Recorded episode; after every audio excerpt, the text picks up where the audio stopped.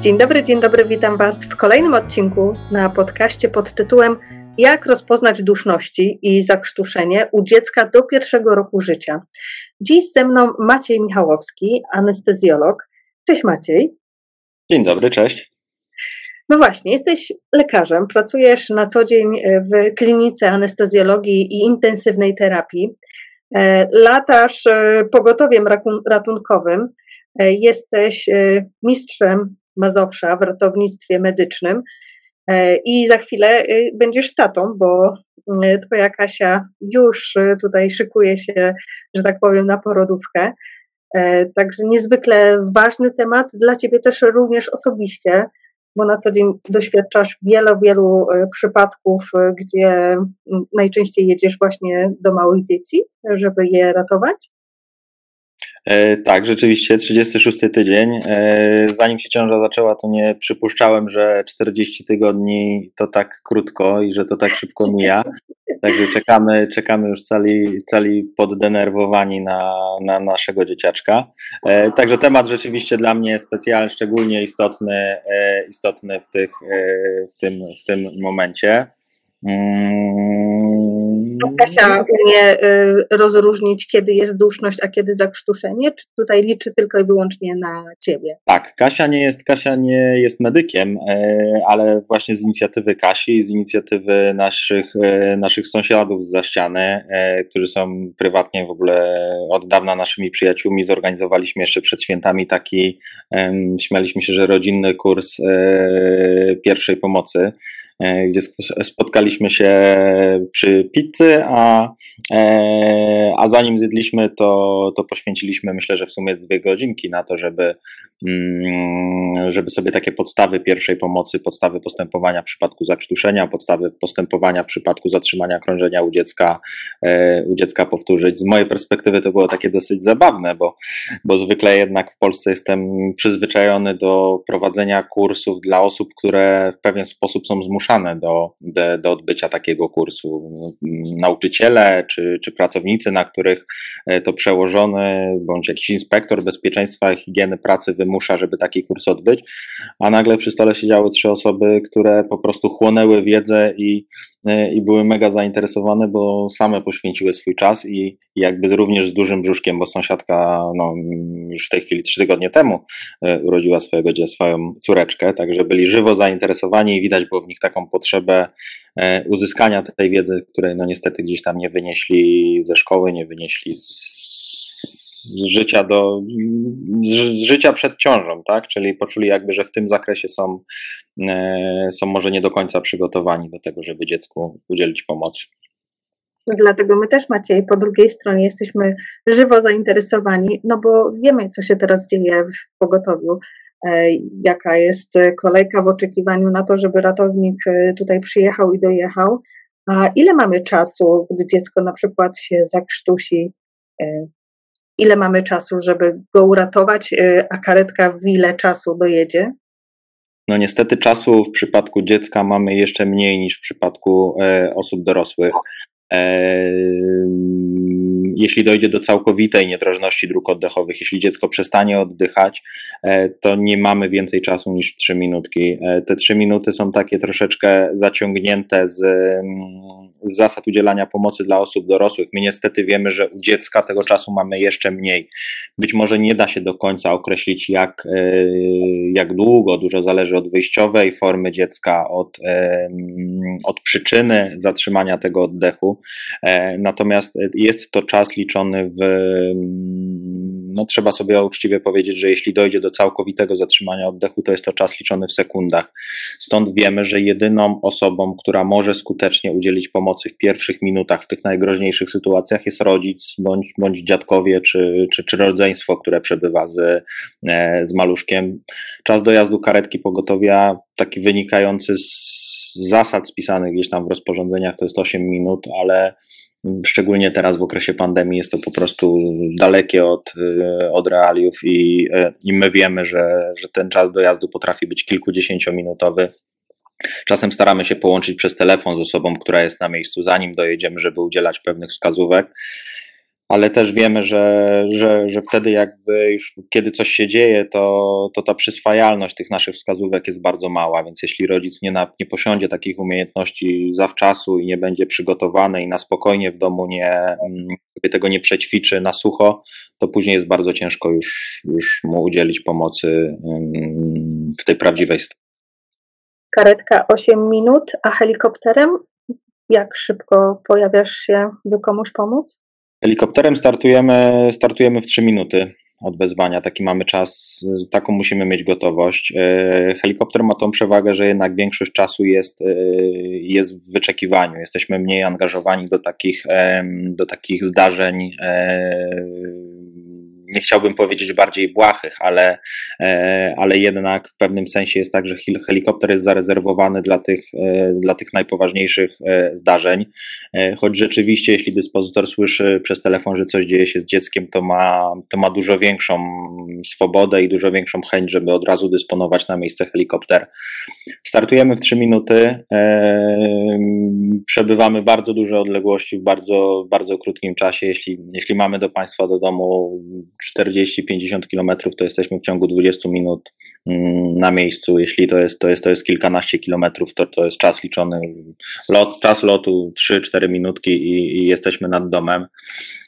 Ale tak jak, tak jak Dorota rozmawialiśmy chwilkę przed programem, e, tu szczególnie istotne jest, e, jest to, żeby nie tracić czasu na, na rzeczy, które które bardzo udzielenie tej pomocy mm, utrudniają, jak na przykład szukanie właściwego miejsca, szukanie domu, szukanie miejsca do lądowania w naszym przypadku. Dla nas bardzo, bardzo ważne jest to, żeby, żeby ktoś z domowników pamiętał o tym, żeby wyjść przed dom i, i pomachać nam, żeby w jakiś sposób oznaczyć dom, w którym, przy którym mamy wylądować e, i, i gdzie znajdziemy poszkodowanego, gdzie, gdzie, gdzie najbliżej będziemy mieć do tego dziecka, bo niestety czasem jest tak, że nasz rewelacyjny, super krótki czas do lotu jest niewydolny ubezpieczony gdzieś tam krążeniem nad, nad miejscowością i poszukiwaniem mm, domu, do którego... Domu. Mhm. Czyli y, włączamy awaryjne w samochodzie, jest ktoś, kto na zewnątrz y, wskazuje, macha y, do nas i tak. Tak, my to, my to trochę, trochę żartobliwie, ale, ale u nas nazywamy tą funkcję machacza yy, i zawsze, zawsze lecąc, zawsze lecąc, lecąc yy, na miejsce dyskutujemy ze sobą, że mamy nadzieję, że będzie jakiś machacz. Yy, i rzeczywiście taki machacz jest super istotną rolą, ktoś stojący przed domem na uliczce i machający i wskazujący nam o który chodzi dom, e, jest super ważny. No jakby pilot oczywiście sobie z góry e, wybierze wtedy najbardziej dogodne miejsce do lądowania, żeby dotrzeć do tego domu. My sobie jeszcze zwrócimy uwagę, żeby nie wpaść w pułapkę, że wylądujemy u sąsiada na podwórku, a okaże się, że sąsiada nie ma i zamknięta brama i nie mamy jak się uwolnić z tego podwórka. Także mm, takie organizacyjne sprawy to są te minuty, które, które dzięki pomocy e, rodziny, dzięki pomocy gdzieś tam innych domowników, którzy zamiast bezczynnie w domu. Jeśli nie biorą czynnego udziału w udzielaniu pomocy dziecka, to mogą, mm, to mogą zaoszczędzić naprawdę kluczowe dla życia minuty e, do udzielenia pomocy. Wyjść, wskazać miejsce, otworzyć drzwi, e, umożliwić przejście, zamknąć psa, który gdzieś tam biega po podwórku. Ale też kluczowe jest to, jak zachowa się rodzic, najbliższa osoba, która tutaj zauważy E, przykładowo e, duszności u dziecka. E, co w ogóle zwiększa ryzyko duszności u dziecka? Jak to jest? Czy możemy jakoś przeciwdziałać duszności? Mhm. Musimy pamiętać, że w ogóle dziecko e, należy do grupy e, ryzyka, jeśli chodzi o wystąpienie duszności. To wynika z naszych, naszej budowy anatomicznej i z takich odmienności e, dziecka w stosunku do osoby dorosłej. Dzieci mają węższe drogi oddechowe, dzieci mają bardziej reaktywną błonę śluzową od osób dorosłych, mm, dzieci mają dużo mniejszą taką rezerwę oddechową. To znaczy, na co dzień prawidłowy oddech dziecka, takiego najmniejszego, oscyluje w granicach 30 oddechów na minutę, w sytuacji, kiedy my oddychamy około 12-14 razy. My, myślę, mam na myśli dorosłych. Dorośli oddychają 12-14 razy na minutę, małe dziecko 30 razy na minutę. Już tylko to nam pokazuje, że, że przerwa lub utrudnienie oddychania u dziecka na 10 sekund to jest, y, to jest tak, jakby osoba dorosła nie oddychała 40-50 sekund. Także, także ta, sam fakt, że jest to małe dziecko, zwiększa nam ryzyko duszności. Oczywiście duszność, e, duszność to, to pojęcie bardzo, bardzo szerokie i przyczyn duszności u dziecka może być e, cała masa. Natomiast pamiętajmy, że mm, takie dzieci, które szczególnie narażone są na występowanie duszności, to wszystkie dzieci z, takim, z takiego spektrum chorób alergicznych, e, choć być może nawet jeszcze w tak, w tak wczesnym wieku e, nie pojawiły się objawy u dziecka, ale zawsze dziecko, mm, którego rodzic, jeden ma, szczególnie jeśli, jeśli e, i mama, i tata ma problemy z chorobami alergicznymi pod postacią nieżytu nosa, pod postacią astmy oskrzelowej, atopowego zapalenia skóry, to, to zwiększa ryzyko chorób alergicznych u dzieci, a co za tym idzie, niestety zwiększa ryzyko tego, że chociażby podczas zwykłej e, infekcji dojdzie do obturacji dróg oddechowych, dojdzie po prostu do obrzęku błony śluzowej, do zwężenia dróg oddechowych i do pojawienia się duszności e, u dziecka.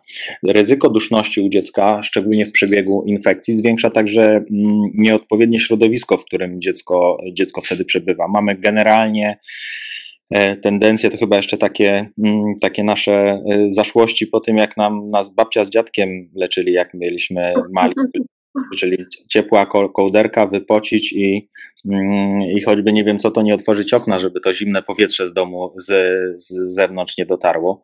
Pamiętajmy, że w przypadku infekcji dla naszej błony śluzowej najbardziej dogodne warunki to jest chłodne, wilgotne powietrze, a chłodne mam tu na myśli temperaturę w pokoju nie większą niż 21 stopni. Powiemy, że suche, ciepłe powietrze również zwiększa ryzyko pojawienia się duszności u dziecka. A co zrobić w momencie wystąpienia tych duszności u dziecka? Jak udzielić pierwszej pomocy? To znowu wszystko zależy od tego, jaki jest, e, jaki jest, jaka jest przyczyna e, duszności. Jeśli przyczyną duszności u dziecka są takie czynniki zewnętrzne, nagłe zdarzenia jak zakrztuszenie, kiedy coś dostanie się z zewnątrz do dróg oddechowych, e, musimy wtedy wykonać, wykonać użyć technik, które są dedykowane do tego, żeby udrożnić dziecku dróg oddechowych. Oczywiście to jest trudne, żeby o tym opowiedzieć. Zachęcam, żeby każdy w miarę możliwości sobie, sobie gdzieś spojrzał spojrzał, jak te techniki e, wyglądają. Z grubsza chodzi o położenie dziecka mm, na naszym przedramieniu główką do dołu i w pierwszej kolejności pięciokrotnym uderzeniu e, dziecka naszą dłonią w okolicę międzyłopatkową, w plecki. Zasadniczo chcemy zwiększyć, mm, tak gwałtownie ścisnąć klatkę piersiową dziecka, żeby sprężone w ten sposób powietrze w płucach wypchnęło, wypchnęło ten przewód z dróg oddechowych. Jeśli to jest nieskuteczne, skuteczne, to dziecko przekładamy na plecki, znowu podpieramy na swoim przedramieniu e, i dynamicznie pięć razy uciskamy dwoma palcami okolice między sutkami, e, czyli okolice tutaj na środku klatki piersiowej e, dziecka. To są te dwie techniki, które powtarzamy, powtarzamy aż do uzyskania w optymistycznej, oczywiście w optymistycznym scenariuszu, aż do uzyskania efektu, kiedy dziecko zacznie samo oddychać i zacznie, mm, no i zacznie płakać najczęściej po prostu. E, to w przypadku, e, to w przypadku zakrztuszenia dziecka. Natomiast jeśli wystąpi dziecko, u dziecka duszność taka w przebiegu bądź, e, bądź jakichś właśnie odczynów alergicznych, bądź w przebiegu infekcji dróg oddechowych, to w pierwszej kolejności istotą jest, żebyśmy potrafili tą duszność rozpoznać i e, jeśli ona gwałtownie wystąpi, to, to zdecydowanie wezwać, e, wezwać pogotowie. Tutaj przypominam 999 bądź 112 to są dwa numery, które, które w tej sytuacji są kluczowe. E, to, co możemy zrobić w kolejnej, kolejno, w kolejnym mm, jakby kroku, to y, zabrać wszystkie czynniki, które, e, które dziecku od, utrudniają oddychanie, to znaczy gdzieś tam ciasno zapięte, e, ciasno zapięte ubranko, niewygodna pozycja, bardzo dobrym pomysłem jest e, okryć takie dziecko czymś ciepłym i w takich e, okolicznościach przyrody, jak mamy w tej chwili, wyjść z dzieckiem na taras, wyjść na, wyjść na balkon, czyli nie pozwolić, żeby dziecko się wychłodziło. Stąd dziecko ubieramy szybciutko i przykrywamy e, główkę i wychodzimy, i wychodzimy na zimne powietrze. Istotą jest, żeby dziecko wciągało do płuc chłodne, zimne, zimne powietrze, które po prostu spowolni, mm, spowolni narastanie obrzęku tych, e, tych dróg oddechowych. Taką często powtarzaną sztuczką na, na miesiące letnie jest to, żeby dziecku wtedy dać oddychać powietrzem z lodówki czy z zamrażalki, takim schłodzonym.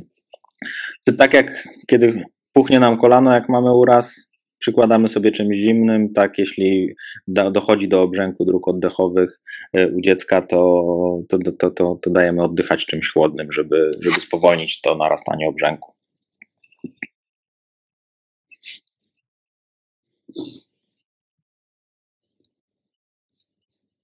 A co rodzic nie powinien robić, e, jeżeli jest e, czy zakrztuszenie, czy duszność u, u dziecka? Mhm. Z jakimi przypadkami się spotkamy? No, znowu, znowu jakby podzielimy to na dwie, na dwie sytuacje. Pierwsze to kiedy dziecko mm, straciło drożność dróg oddechowych na skutek zakrztuszenia.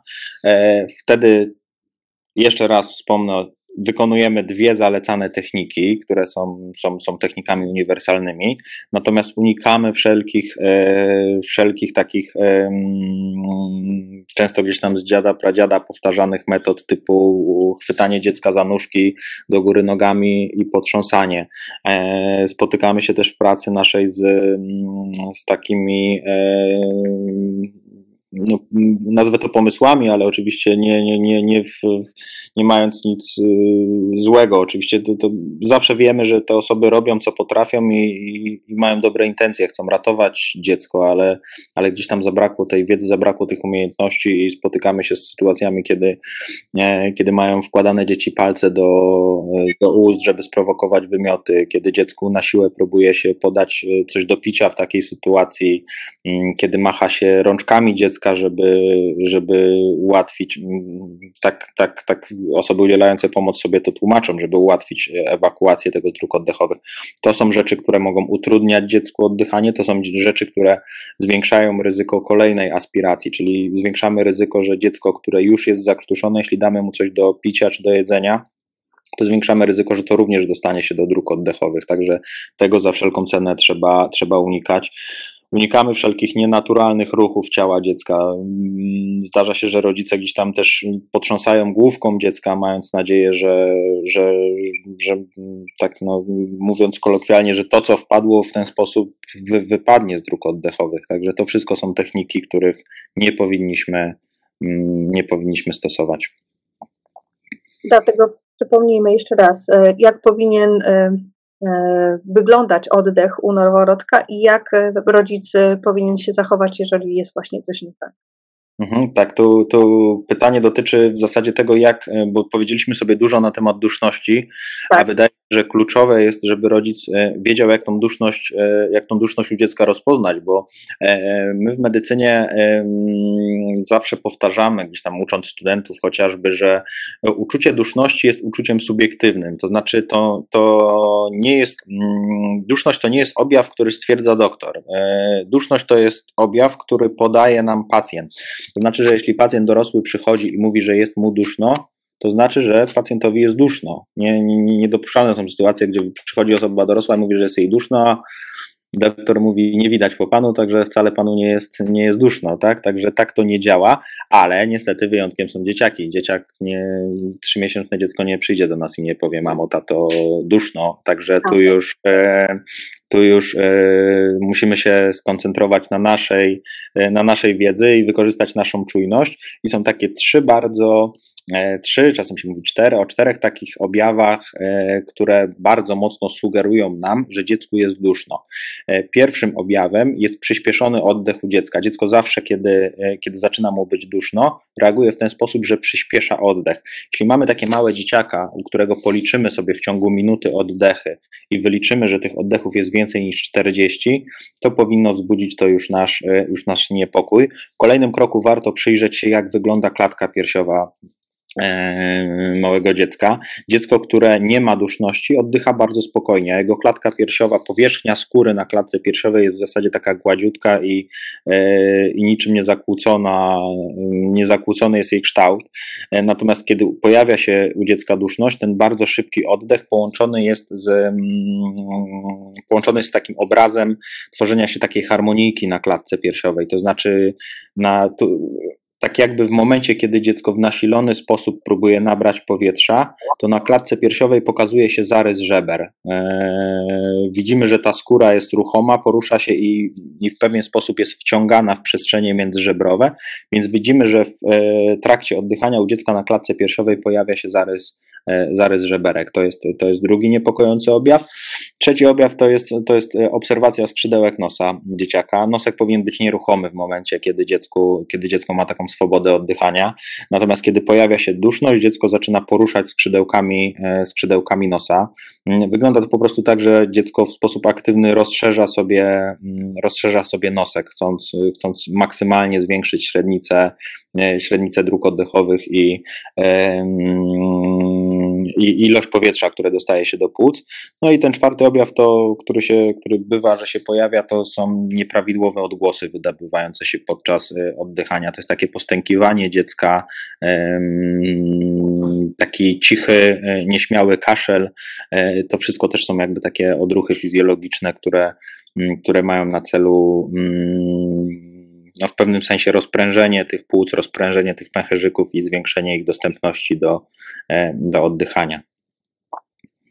Podkreślmy to jeszcze raz. E, przyspieszony oddech. Standardowo dziecko oddycha 30 e, razy na minutę. Jeżeli to jest 40, to już jest to niepokojące. Klatka piersiowa ma zarys żeber, taką harmonikę. Skrzydełka nosa się rozsuwają i jest jakiś nieprawidłowy e, odgłos e, u dziecka, ale może być jeden z tych objawów, który już mówi o tym, że to są duszności, czy muszą wystąpić te cztery? Tak, może być jeden. To oczywiście nie jest, to oczywiście nie jest sytuacja zero-jedynkowa, że duszność, e, że duszność jest, e, że duszność jest albo jej nie ma. Ona zawsze rozwija się w czasie. To też nie jest oczywiście zdefiniowane w jakim czasie, bo u dziecka jednego duszność to będzie sytuacja, która rozwinie się w ciągu mm, kilkunastu sekund, e, jeśli to jest, to jest intensywny odczyn alergiczny, ale jeśli to będzie duszność nasilająca się w przebiegu infekcji dróg oddechowych, to może to być duszność narastająca na przestrzeni godzin. E, stąd też musimy mieć na uwadze, że kolejne, kolejne te objawy są jakby kolejnymi e, krokami, które dziecko podejmuje, żeby, żeby się prawidłowo natlenić. To są po prostu mechanizmy obronne, które mogą być uruchamiane po kolei. To znaczy, że wyjątkowo czujny rodzic jest w stanie z, zobaczyć, że u dziecka na przykład występuje przyspieszony oddech, chociaż jeszcze nie angażuje dodatkowych mięśni oddechowych, czyli jeszcze nie porusza skrzydełkami nosa, jeszcze nie ma się zapadających, e, jeszcze nie ma tych uwidocznionych żeberek, ale już, już rodzic zaobserwował, że dziecko zaczyna oddychać, e, oddychać coraz szybciej. Wtedy oczywiście kontrolujemy, czy przede wszystkim nie ma, nie ma podwyższonej temperatury ciała, bo to jest oczywiście w pierwszej chwili coś, co podejrzewamy, jeśli dziecko zaczyna sobie szybko, e, szybko oddychać. Pamiętajmy, że to, jest, to wszystko to jest takie kontinuum, to, jest, to przebiega w osi czasu w ten sposób, że dziecko, jeśli zaczyna mieć problem z oddychaniem, najpierw uruchamia sobie te mechanizmy kompensacyjne, kompensacyjne, zaczyna szybko oddychać, potem zaczyna angażować dodatkowe mięśnie oddechowe, więc obserwujemy to poruszanie się skrzydełek nosa i to wszystko ma na celu zwiększenie dostawy tlenu. jeśli te mechanizmy mm, funkcjonują, to dziecko będzie miało jeszcze na tym etapie prawidłowy kolor, bo rodzice często mówią, że okej, okay, e, jest duszność, ale przecież dziecko jest różowe, przecież nie, nie, nie robi się sine.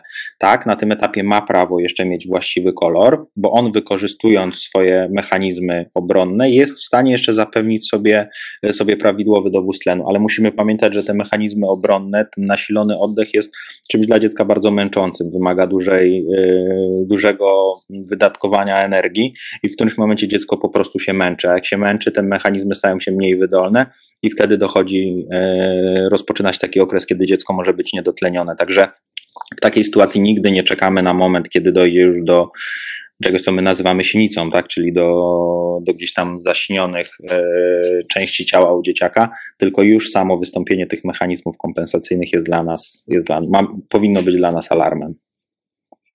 Maciej, to na koniec, jako e, lekarz, e, przekaż tutaj informacje tym wszystkim rodzicom, żeby oni faktycznie byli czujni e, i, i żeby to nie było takie wyjątkowe, tylko wręcz automatyczne ich działanie jakie powinno być, gdy rozpoznają duszności lub zakrztuszenie u swojego dziecka. Także tak, ja bym w pierwszej kolejności chciał, żeby, żebyśmy zakończyli takim, takim pewnym schematem, e, schematem postępowania, czyli e, przede wszystkim krok numer jeden e, to czujność. Mama czujna jest przede wszystkim u dziecka, które po pierwsze już urodziło się ze zwiększonym ryzykiem, bo się urodziło i jest małe. Jeśli do tego został dołożony jakiś czynnik ryzyka w postaci chorób alergicznych u dziecka bądź u rodziców, to wiemy, że każda infekcja u takiego dziecka musi wiązać się ze wzmożoną czujnością mamy.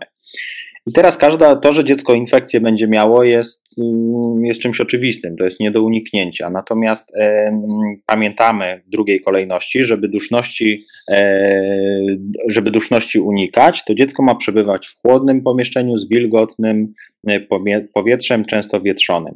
Natomiast mama często obserwuje i e, kontroluje oddech dziecka, odsłaniając klatkę piersiową i patrząc, czy dziecko nie oddycha zbyt szybko, czy dziecko nie angażuje dodatkowych, dróg od, dodatkowych mięśni oddechowych, czy nie ma zapadania się skrzydełka nosa. Jeśli te objawy zaobserwuje, jedziemy z dzieciaczkiem do lekarza, nawet jeśli byliśmy z nim e, dzień wcześniej, i po prostu podajemy pediatrze informację, że zaniepokoiło nas to, że uważamy, że dziecko oddycha się gorzej, że dziecko prezentuje objawy, e, objawy duszności w przebiegu tej, e, w przebiegu tej infekcji. To, co mama może zrobić doraźnie, żeby pomóc, to wystawić dziecko na działanie chłodnego powietrza, przewietrzonego, rozpiąć e, ubranko, żeby nie utrudniało oddychania nie wykonywać dzieckiem gwałtownych ruchów, nie, nie, nie kazać dziecku przybierać wymuszonej pozycji tylko w sposób luźny. Można oczywiście wziąć na ręce, ale też, też z uwagą na to, żeby, mm, żeby nie doprowadzać do pozycji wymuszonych, gdzie główka jest nadmiernie przygięta, nadmiernie, nadmiernie odgięta. Ma być to naturalna za każdym razem pozycja dziecka, tak jak, tak jak mama robi to na co dzień. E, to jest w sytuacji, kiedy dochodzi do duszności takiej, nazwijmy to brzydko mówiąc, internistyczno-pediatrycznej, tak, przebiegu mhm. infekcji. Natomiast druga, druga gałąź tej sytuacji to jest nagła, nagła niedrożność dróg oddechowych, czyli najczęściej u małego dziecka zdecydowanie, zdecydowanie zakrztuszenie się, dostanie się ciała obcego do dróg oddechowych. E, w tej sytuacji mama widząc, e, że dziecko się zakrztusiło, najczęściej od razu wie, co się dzieje, bo wskazują na to okoliczności. Tu niestety może nie dochodzić ani do przyspieszonego oddechu, dziecko nie będzie nam mówiło, że coś się stało, bo mając całkowicie zatkane drogi oddechowe, nie ma możliwości wydawania z siebie żadnego dźwięku. Wtedy kluczowe są dwie rzeczy: zorganizowanie drugiej osoby, która z nami będzie i chociażby będzie mogła zadzwonić na pogotowie w momencie, kiedy, e, kiedy my będziemy e, udzielać dziecku, e, udzielać dziecku pomocy. A udzielanie dziecku pomocy, dziecku, które się zakrztusiło, polega na, mm, na wykorzystywaniu dwóch technik. W pierwszej kolejności technika uderzania, ułożenia dziecka tak żeby było główką, główkę miało niżej niż bioderka, e, ułożenie na brzuszku, podparte o nasze przedramię bądź położone na naszym kolanie i uderzamy pięć razy w okolicę łopatkową. Jeśli to jest nieskuteczne, odwracamy dziecko na plecki i uciskamy pięciokrotnie e, w okolicy pomiędzy, pomiędzy sutkami.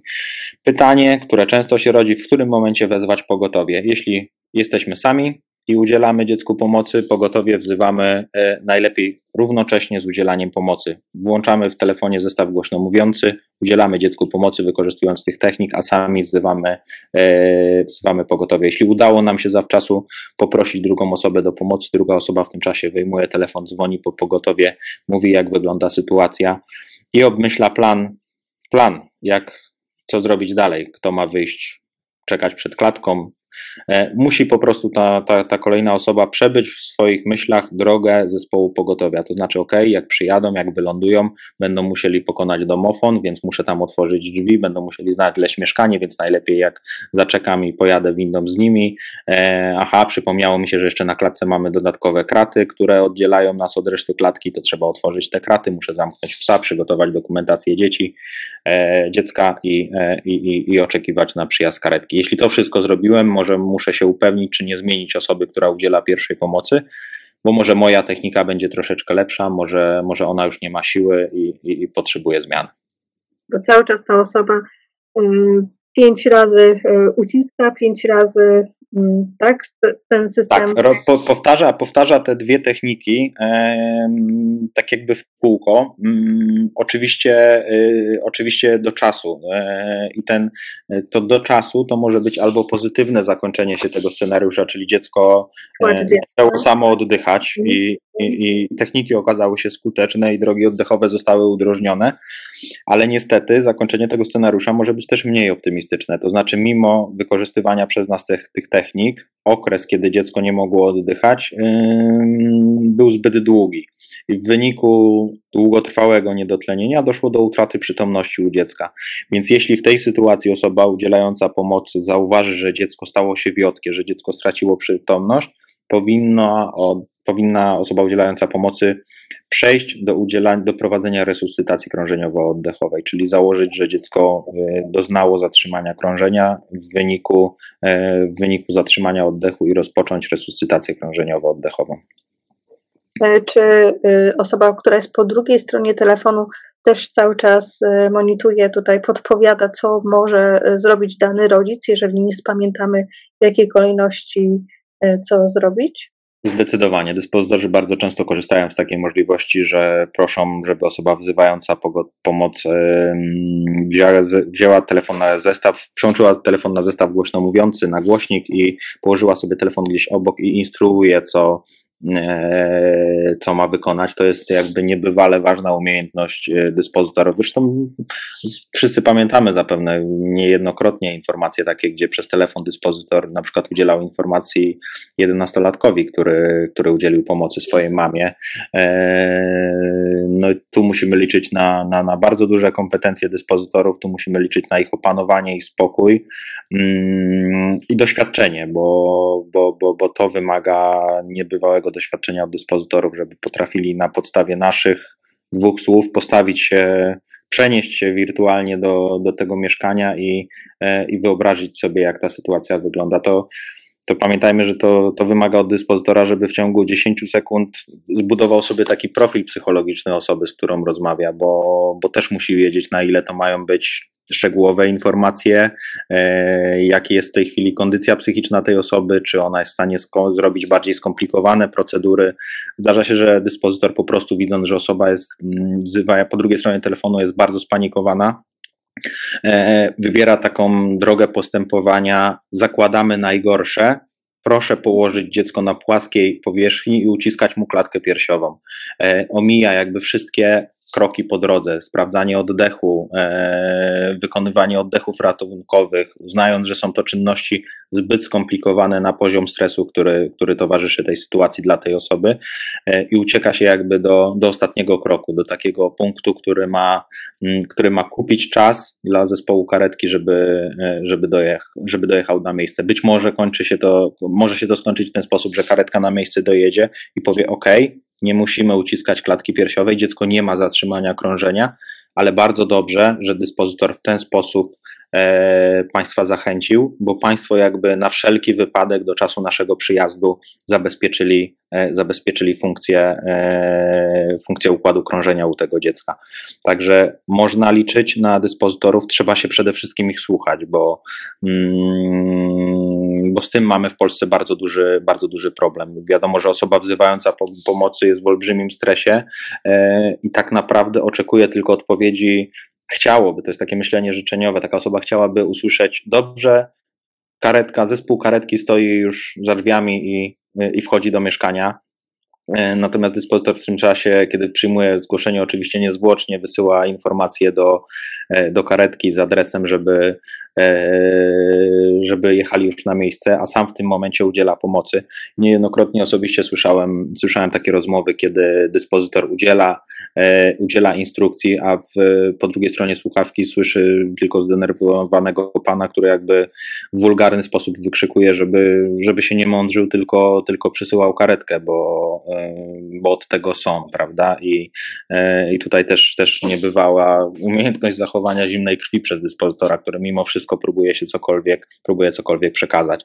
Tak samo jak musimy, musimy z ogromnym e, zaufaniem podchodzić do dyspozytora, który po raz dziesiąty podczas rozmowy zadaje nam na przykład pytania dotyczące lokalizacji, bo, bo rodzicom często wydaje się, że powiedzenie jaka, jaka miejscowość i jaki numer domu jest, jest wystarczające, a dyspozytor potem przez następne trzy minuty dopytuje o kolor domu, o kolor komina, mm, sposób dojazdu i i, i mus, muszą osoby wzywające pomocy zdawać sobie sprawę, że dla nas to jest niebywale ważna informacja, a dla dziecka są to minuty, które my oszczędzimy na szukaniu, e, na szukaniu właściwej lokalizacji. Także nie są to pytania, jak często się dyspozytorom zarzuca, że to są pytania, żeby wpisać w formularz, tylko to są pytania dyspozytorzy, którzy pracują w dyspozytorii, to są, to są ratownicy, którzy wiele, wiele lat przepracowali w, w systemie ratownictwa i doskonale zdają sobie sprawę, jakie, e, jakie problemy spotykają. No,